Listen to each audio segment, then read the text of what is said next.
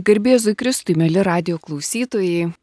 Prie mikrofono esu aš Bronė Gudaitytė ir su didžiausiu malonumu pristatau pašnekovą profesorių kunigą Romualdą Dulskį. Ir šiandien mes kalbėsime apie popiežiaus pasiūlytą spalio mėnesiui rožinio temą.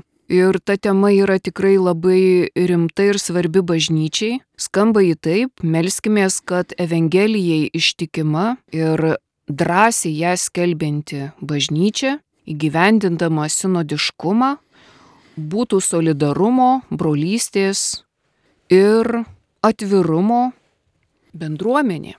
Taigi, garbėzui Kristui. Sveiki, garbė Kristai ir džiugu pamastyti popiežiaus intenciją Taip, ir ta intencija, kaip mes pastebim, yra labai susijusi su, manau, vienu iš svarbiausių bažnyčioje dabar vykstančių reiškinių, tai sinodiniu keliu. Nors jis prasidėjo prieš e, metus, bet e, gali tikti toks šūkis nuo sinodo prie sinodiškumo. Ir kaip tik dabar ir paklausiu kunigo profesoriaus Romualdo, Kasgi yra sinodiškumas, nes galbūt mes šį žodį girdim, bet nežinom, ką tai reiškia. Taip, turbūt, kad mes matytume iš karto ar žinotume, kad tas dvi medalio pusės paliesime. Viena tai ta, kad kas yra pozityvu ir antra, iš karto reikia pasakyti, kas yra nepavykę ar kas yra nu, su negatyvumu šešėliu. Ir tame yra turbūt įdomumas, tada mūsų iš tikrųjų gyvenimas, nes jis visuomet, kai ką nors darome, tai sukūrėme kokiu nors problemų ir jos tada padaro gyvenimą gyvą. Tai kas yra pozityvu pirmiausia, turbūt pati idėja, kad popiežius Pranciškus paskelbė sinodinį kelią, ar sinodinį procesą ir tame turbūt slypi giluminė peržvalga bažnyčios tapatybės ir misijos, kad noras kažkaip pergalvoti, kas yra bažnyčia ir pabandyti tą lik paprašyti, kad visi apie tai pagalvotų ir viskupai pagalvotų, kurie neturi laiko ir tik administruoja. Ir turbūt tai nėra gerai, kad viskupai iš esmės yra administratoriai bažnyčios, tokie tvarkytojai, Ir jie netgi tvarko teologinę mintį, nes teologai galbūt yra tie, kurie masto daugiau, bet visa teologija šiandienį yra pajungta tai administracijai ir tuomet viskas į tokią kontrolę pavirsta ir atrodo, kad lyg čia ir gerai, bet iš tikrųjų turbūt tas gerumas vėlgi jis turi ir pliusų, ir minusų kad pamastytų visi, pavyzdžiui, kiek bažnyčioje yra intelektualių žmonių, kurie įvairius ryčių mokslo žmonių, kurie turi savo nuomonę ir gali ją pasakyti. Ir dėl to galim sakyti, kad kas yra pozityvu sinodinėme kelyje, kad kunigai, pavyzdžiui, jie iš tikrųjų tas pripažįstama ne tik Lietuvoje, ir Lietuvoje aš tą matau, ir susidūriau asmeniškai, kad kunigai nenorėjo dalyvauti, pasisakyti, nes jie tiesiog nenorėjo viešai pasakyti, ką jie galvoja. Ir tas yra pasaulyje juntama, nes yra tokia kažkokia terpė tokia bažnyčioje, kad yra toks oficialus kalbėjimas ir kas atrodytų netinka tam oficialiam kalbėjimui, tai tas nekalbama, bet egzistuoja. Tai turbūt nepavyko tam tikrą prasme išspręsti tų dalykų, kad sinodė dalyvavo daug tokių gal labai paprastų žmonių, kurie neturi nuomonės arba tokio supratimo galbūt platesnio ar akiračio, ne tik į bažnyčią, bet iš viso į, į visuomeninius klausimus. O tie, kurie galėtų ką nors pasakyti, jie nebuvo įtraukti į sinodą. Ir Lietuvoje, ir turbūt kitose šalyse.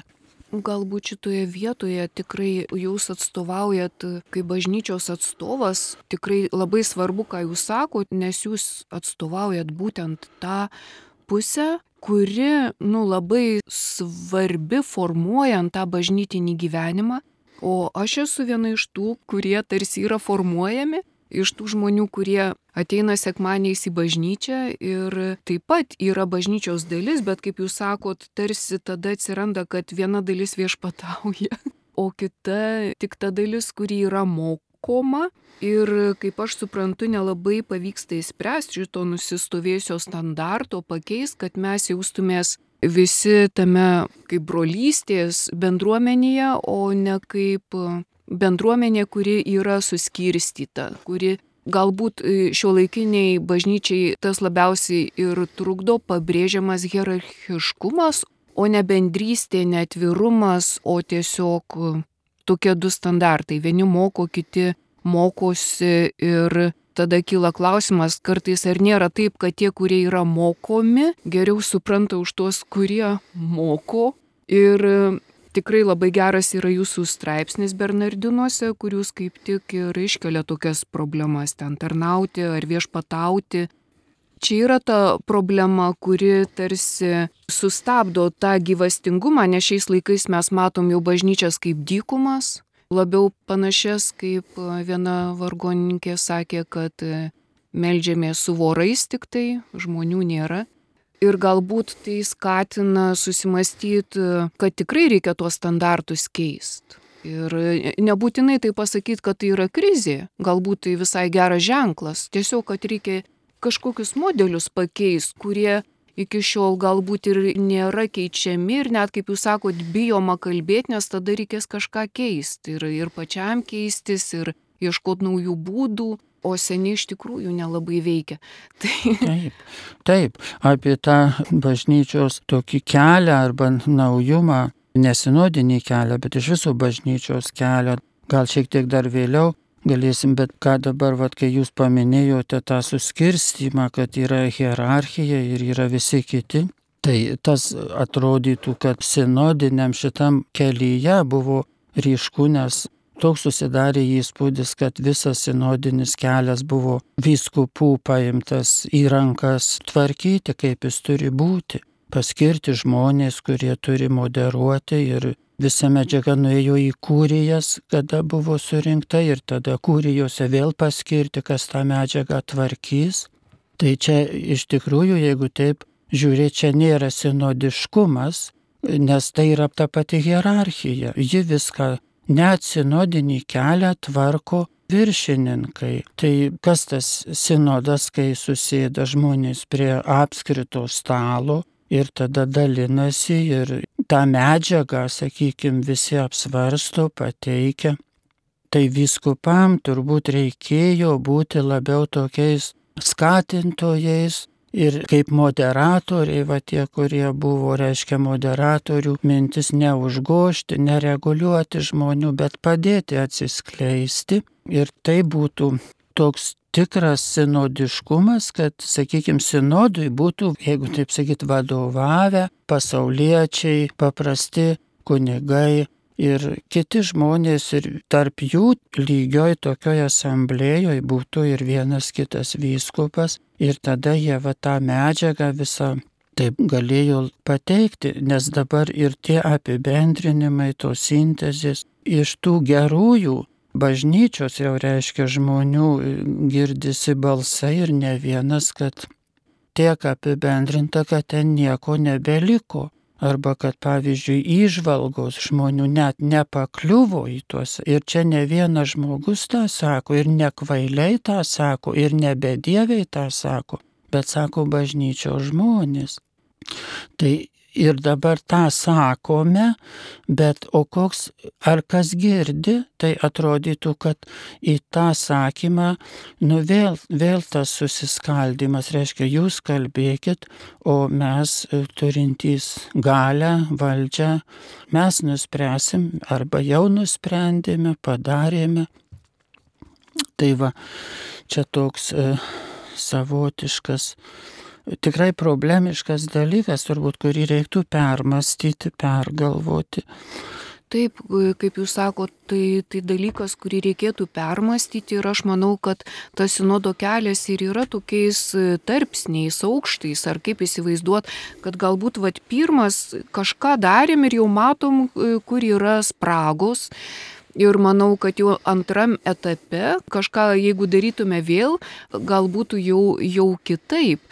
Ir aš manau, kad ir patys žmonės galbūt e, nenorėjo kelt nepatogių klausimų, nu tiesiog, kaip kalbam, iš to standartų, kad aš esu, nu čia tik tai va tam žemesniam lygiai ir, ir dabar aš čia pabūsiu, paklausysiu, bet e, gal ir yra tas pirmas etapas, tiesiog pamatyti, kad mes tikrai esam tokie išsigandę, susiskirstę ar labai priklausomi nuo kažkokių standartų, ar jeigu taip vyksta, tai gal tikrai yra tų taisytinų vietų, panašiai kaip savęs ugdyme, tu iš pradžių nenori pripažinti, paskui jau šiek tiek bandai ir tas jau trečias etapas, kai jau tu pripažįsti ir, ir jau įmiesi to kelio. Ir tai užima laiko, taip gal ir ne, neturėtume norėti iš karto, kad jau ir pamatėm, ir pasikeitėm, ir, ir viskas iš karto.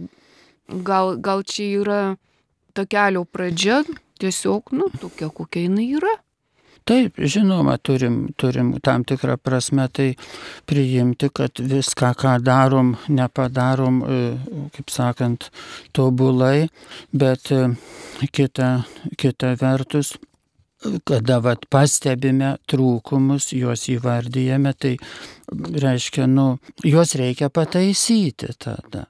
Nu, negerai yra ignoruoti, jeigu žmonės sako, o tą ar aną, aną kažkaip, nu, vat, yra trūkumai ir jie dar pataisomi, tai reiktų tą padaryti.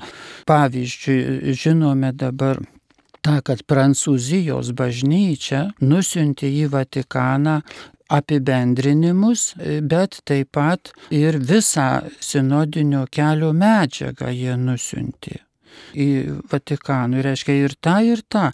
Ir, nu, medžiaga ten, ta, aišku, jinai ap, savo apimtimi didelė, bet čia toks sprendimas, reiškia, jeigu apibendrinimas yra ne, nežinome, ar ten irgi taip viskas nuglaistyta, pasakyčiau, kaip mm. Lietuvoje, bet pavyzdžiui, jeigu yra kokia nors idėja pareikšta, Ir dabar paskaito koks nors ten nuvyskupas ar kardinolas Vatikane ir sako, ai čia nesuprantu, kas čia per sakinys toksai, kas čia per pasiūlymas.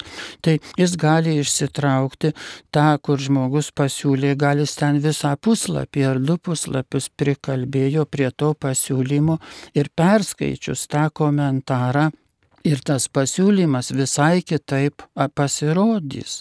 Ir pasirodys, koks jisai vertingas ir naudingas bažnyčiai. Tai va tas ir mes tada Lietuva galėtume ir būtų labai gerai, kad nusiųstume ne tik apibendrinimus, visų ten viskupijų, nes, nu, turbūt tas Lietuvos apibendrinimas bendras, tai mažiausiai pavykęs, prastas tiesiog labai.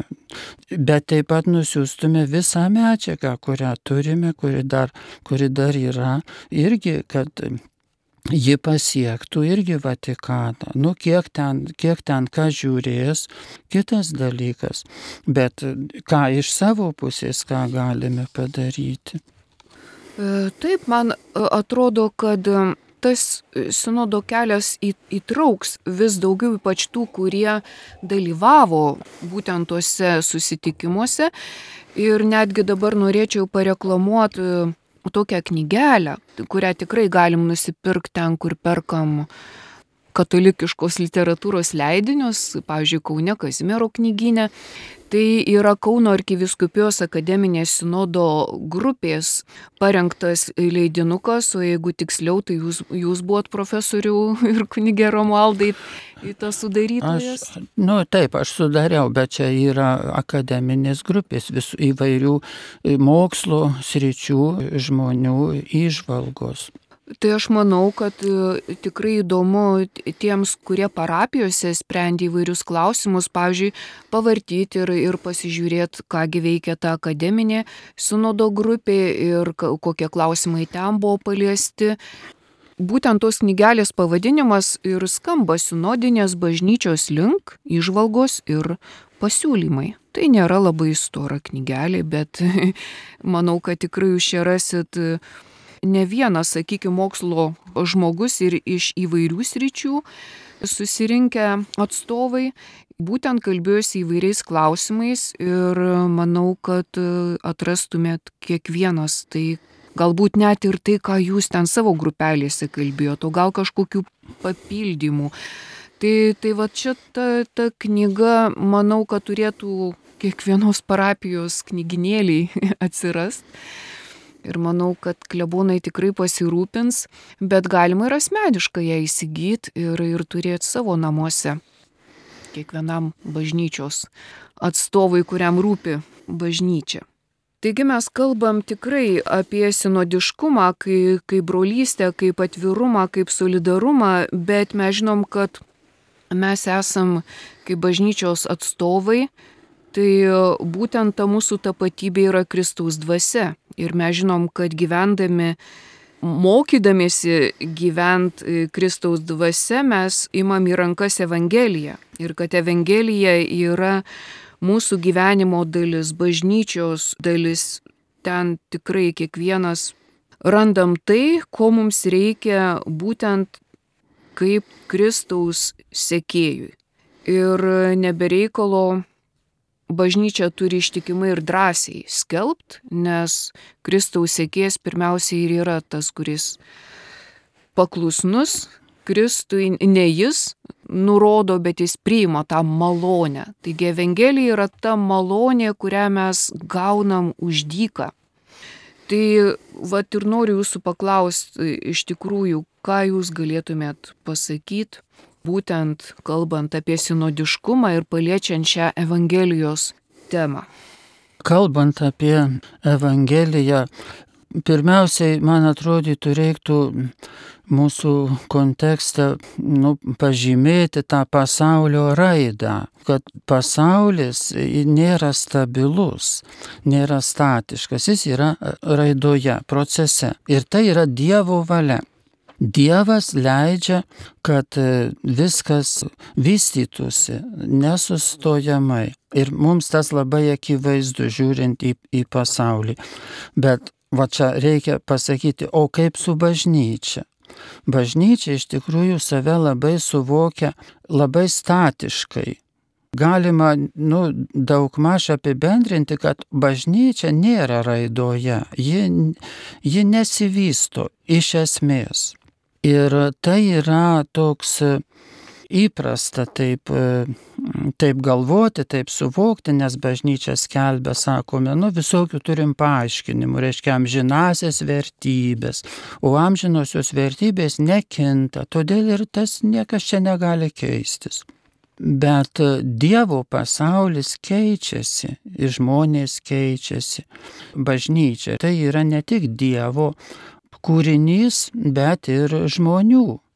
Žmonių taip pat kūrinys, kurie Dievo įkvėpti, bet vis tiek žmonės. Nes, kaip sakome, teologiškai bažnyčioje yra žmogiškas ir dieviškas elementas iš dviejų tokių pusių, iš dviejų sandų bažnyčia susideda. Tai ir tas žmogiškas elementas, įsivaizduokime, jeigu jisai, nu, jis nėra raidos procese, nėra, nėra, reiškia, brendimo procese. Tai yra nenormalu. Žmogiškasis bažnyčios sandas būtinai turi būti ugdomas. Ir čia galime pasakyti turbūt gal ir apie Jėzų, kad Jėzus buvo inovatorius. Jis atnešė naujumą, pačią naujumo idėją. Ir bažnyčioje kada įsivaizduojama, kad, sakom, skelbiame Evangeliją, bet skaitome, pavyzdžiui, tą patį ir tą patį, kas jau girdėta, arba pasakojame senas istorijas, kas teisinga, teisingos istorijos. Jėzus gimė, Jėzus mirė, prisikėlė ir sakome, o ši čia Evangelija. Nu, galime gal taip suprasti. Bet iš tikrųjų Evangelija yra geroji naujiena, tai ji turėtų kažkaip labai labai būti šiandieniška. Ir tas šiandieniškumas irgi nėra tik papasakojimas apie švent, kitus išganimo istorijos įvykius, kurie visiems žinomi, net kokiem nors ne, nekrikščionys žino tą mūsų pasakojimą apie Jėzų Kristų, jie jo netiki kaip, taip kaip mes, Jie Jėzų tiki gal kaip istorinę asmenybę, nes čia jau nebetikėjimo dalykas, o istorijos. Tai, bet jie žino tą pasakojimą. Bet kas, kas šiandieną, vėl ar, ar Evangelija yra tik tai interpretacija senųjų tekstų, interpretuoti tai, ką skaitome šiandieniškai. Nes žiūrėkime, toks yra Dievo pasaulis, kad randasi absoliučiai nauji dalykai. Mokslas atranda visiškai nebūtus dalykus. Technologinė revoliucija ar dabar informacinė revoliucija, taip pavadinsim, jeigu tai yra visiškai nauji dalykai žmonijos istorijoje. Tai jeigu jie yra, nu nes viskas iš Dievo, O jeigu iš Dievo ta, tie žmogiški dalykai randasi, tai juo labiau tie, kurie, nu, religinės rytis, ji turi būti atnaujinta, nes kitai bažnyčia smunka į tą senų dalykų atpasakojimą, pakartojimą. Ir tai sakytum, tarsi nebeskelbinti Evangelijos bažnyčia darosi ji važiuoja tuo senu vežimu, nes nežino, koks tas naujumas yra. Pavyzdžiui, ką Dievas nori iš tikrųjų pasakyti šiandien, šiandienišku balsu, ką Dievas, ką, jis nėra tylintis Dievas, yra gyvas Dievas, tai jis kalba Bet vietoj to mes e, interpretuojame, geriausiu atveju bandome šiandieniškai interpretuoti e, tą, ką jau seniai kas nors yra užrašęs. Ir ši čia turbūt yra didelis iššūkis bažnyčiai.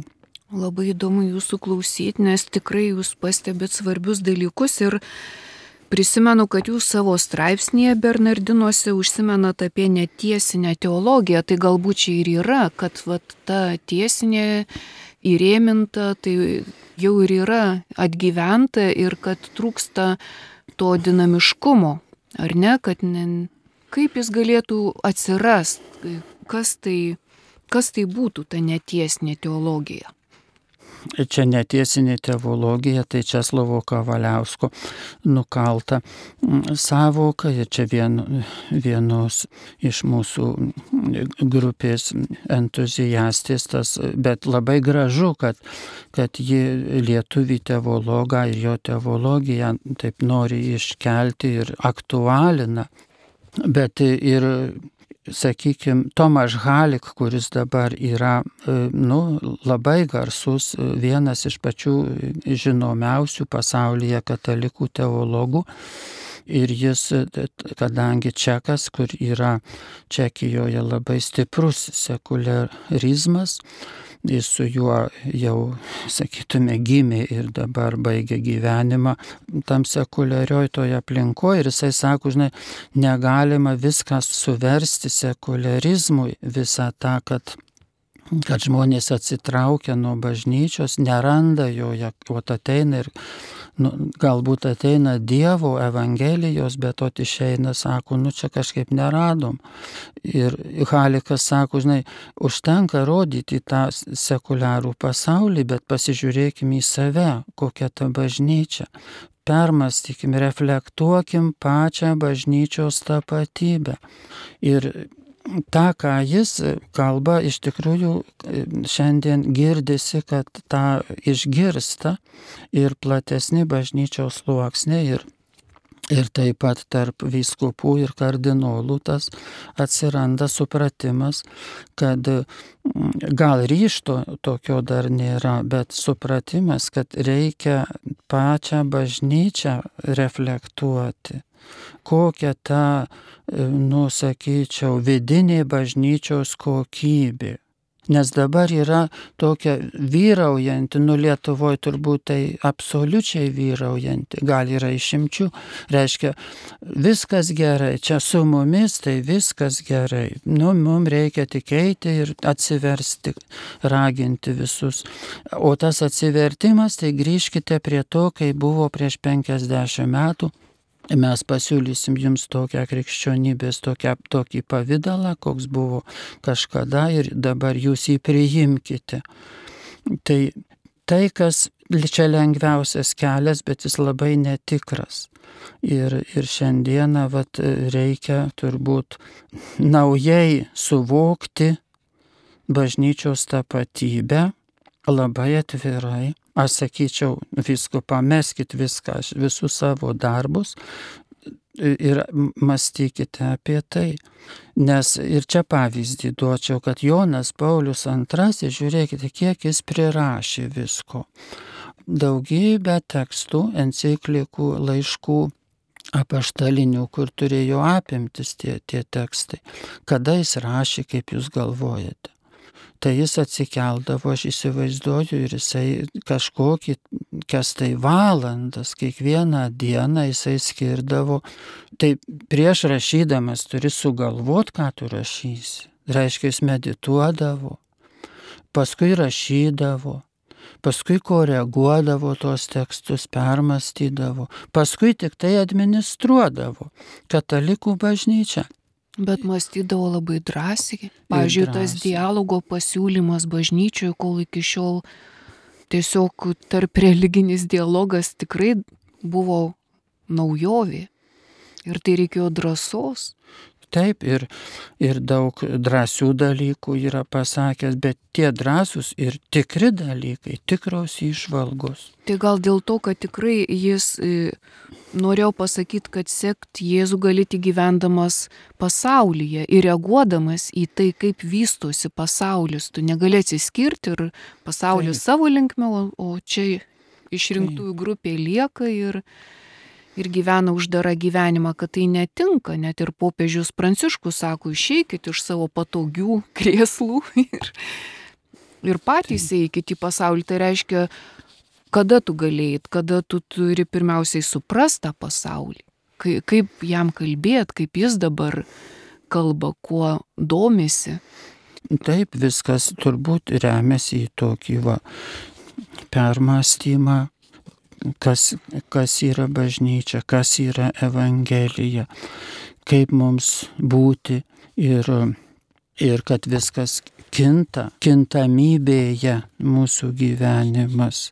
Ir galvoju, kad net ir profesorė Eglė Lumenskaitė irgi Bernardinuose rašo apie sinodiškumą ir jinai ten pabrėžia formalizmą, kad bažnyčiai daug tokio formalumo, ką mes irgi pradžioje pastebėjom, kad e, skelbiant Evangeliją, tas formalumas gaunasi, kad tarsi mes esam tos malonės savininkai ir tada naudojam saviems tikslams Evangeliją, ne, nenurodom į ją kaip į, kaip, kaip į tą, kuri prie kiekvieno gyvenimo būdo tinka, bet mes ją į vieną būdą tiesiog, vieną kryptim nurodom ir, ir tada tas Dievo žodis toks užverstas tokiu žmogišku balastu. Tai, tai ką mes e, sudedam į tam tikras taisyklės, nurodymus, moralizavimą ar ten kokį, nežinau, tuščio žodžiavimą, ar netgi susireikšminimą, nes dažnai mišiuose pamokslas ar homilija, kaip sakoma, tampa centrinė mišių dalim, kur net e, ne apie Dievo žodį kalbama, o ten vyksta kažkokie psichologiniai sensai, kur tikrai tu matai ne tai, kas turėtų homiliją, tu girdi ne tai, kas turėtų sudaryti e, tą homiliją arba kuo turėtų tas, į, į ką tas pamokslas. A, aš galvau, kad čia yra tikrai labai dabar tokia aktuali ir, ir silpna vieta, kad kad trūksta homilijose būtent tikrai tos evangelizacijos, o, o per daug e, yra to tokio, nežinau, tik žmogiško pamastymo. Gal čia tiesiog mano tokia nuomonė, bet manau, kad kad ir jūs net savo straipsnį rašot, kad reikia bažnyčiai kaip dinaminiai tikroviai ir to švietimo sistemos tokio tobulinimo, kad tai labai trūksta. Taip, konfesinė teologija, reiškia, vis, nu, ji tokia pajungta yra tai doktrinai. Žinot, jeigu va iš šalies žiūrint, tai ji panaši kaip tokia ideologinė teologija. Nu, jeigu kas nekrikščionis, va žiūrėtų, kas čia sakytų, va protestantų teologija, arba, nu, va mes paimkim protestantų, tai mums neskaudės katalikam. Ir tada sakys, tai ką čia jie gina protestantišką tikėjimą, a, tokia apologetika, daug labai teologijoje apologetinių elementų įrodinėjančių, reiškia, kad mes teisingai viską suprantame Ir kiekvienoje islamo teologija savo, jie katalikai savo, stačiatikiai savo yra to ir iš tikrųjų teologija turbūt daugiau ji padėtų, atliktų savo vaidmenį, jeigu ji tiesiog apie tą Dievo ir žmogaus e, slėpinį kalbėtų, nes ir Dievas yra slėpinys, ir žmogus yra slėpinys. Kas, kas mes esame? Štai gyvename paskui mūsų nebelieka. Nu, mes tikime, kad prisikėlimą, ką, bet Paulius sako, ten prisikels kitas jau kūnas, negendantis, visai kitoks ir taip toliau. Tai net, net visą tą turėdami mintyje vis tiek, nu, atrodytų, kiekvieno mokslo vertybė yra ta, kad jis yra laisvas mokslas, jis nėra varžomas, nes mokslo priespauda, pavyzdžiui, komunistiniai Kinijoje aš esu matęs pasiekmes, reiškia komunistinė santvarka, kaip ji prislėgusi yra visą akademinį gyvenimą savo, savo tą kontrolę. Ir mes žinom, kad taip ir, ir, ir kitose e, valstybėse, autokratinėse valstybėse, totalitarinėse. Bet panašiai yra ir jeigu teologija būtinai spraudžiama, kad būtinai turi būti konfesinė, tai tada ji tokia, ji tokia, nu, ji nususinta tokia ta teologija darosi. Ir šiandieną už tai kyla ta, ta tendencija, kad teologija būtų nu, pranokstanti tas konfesinės ribas, nes tada ji tik tampa tokiu tikru mokslu, apmastančiu dieviškąją tikrovę, kaip ją suprasti kai, ką, ką ji mums sako savo, savo buvimu visų pirma ir apie žmogų. Ta objektyvioji teologija, ką jis sako apie žmogų arba apie žmogaus išganimo kelią, kokį, kokį, kokį gyvenimą reikia gyventi, kad tu pasiektum tą galutinį tikslą, kuris, reiškia, yra toks, nu, sakom, mes įvardinam kaip išganimą, reiškia, amžiną į tą gyvenimą arba asmens, asmenybės tokią brandą. Tai reiškia, ta objektyvi teologija, tai yra iš tikrųjų tyrinėjanti teologija ir mąstanti ir bažnyčioje ji būtų, o ir yra tiek, kiek jos yra, ji, ji yra ugdanti savo esmę, nes kiekvienas tikras mokslas, jisai, jam nereikia nieko prigalvoti, jis natūraliai ugdo gyvenimą.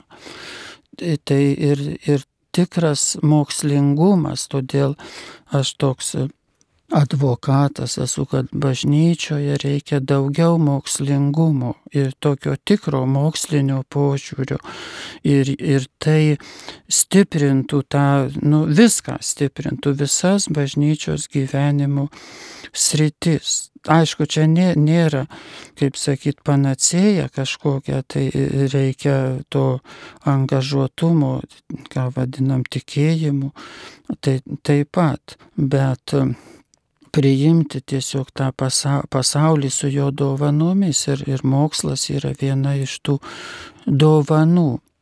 Taigi tikrai pabaigoje mes ir prieartėjom turbūt prie tų svarbiausių dalykų, kad praktika visada yra svarbiau negu teorija, kad e, praktinis kelias yra turbūt labai besiskiriantis vieno mąstymo Todėl galbūt ir mums, labai protingiam žmonėms, kaip mes kiekvienas apie save galvojam, labiausiai grėsia tai tas atsietas mąstymas, kada aš tik mąstau, bet nieko nedarau. Tai gal šitoje vietoje 20-ojo amžiaus teologas Raneris tikrai pasakė labai svarbius mums žodžius. Jis sakė taip, kad ateities tikintysis turės būti mystikas arba kitaip jo iš vis nebus.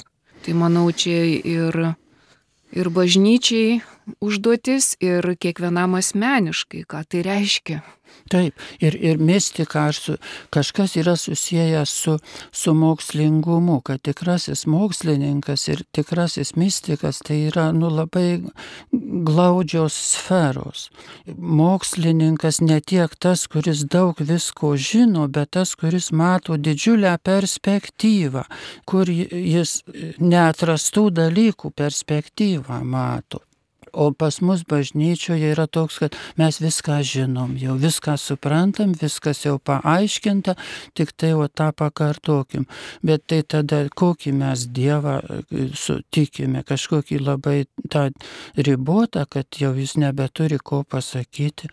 Ir reiškia, va čia yra mums turbūt išganinga, galim tą žodį pasakyti, visokiojo paprasme naudinga ir ugdantis dalykas, kad pamatyti perspektyvą perspektyvą, kad, kad perspektyva yra labai didelė. Ir tikėjimo perspektyva, ir dievų meilės, ir, ir dievų pažinimo, ir savęs pažinimo. Tai yra tai, ką mes žinome, yra mažiau negu tai, kas mums dar skirta pažinti. Į ką mes turime dar eiti, mes turime kur eiti. Ir kuo daugiau mes pažįstame, ar kuo mes labiau nu, pamilstame Dievą ar žmonės, tuo mes matome tą perspektyvą, nu, pačia paradoksalu galbūt, bet matome tuo didesnę tą perspektyvą, kad dar yra kažkokie tai toliai, nežiūrint, kiek aš daug įgyjau, bet tarsi ant kokio kalno tarsi palipęs. Kuo tu aukščiau palipi, tuo tu toliau matai. O jeigu tu niekur nelipi, tai tu sėdi savo baloj ir galvoji, kad čia pasaulio geriausia vieta. Kągi, belieka Jums, kunigė profesorių, padėkoti už visas mintis, kurios, manau, labai naudingos kiekvienam ir apmastyti ir pritaikyti gyvenime. Na kągi, pasistengim kažką kiekvienas asmeniškai pakeist ir vėlgi, kaip pats jau minėtas Raneris sakė, ne tiek mąstykim, kiek žiūrėkim į tikrovę ir ją pamatykim. Taigi ačiū šiandien visiems uždėmesį ir su Dievu. Su Dievu.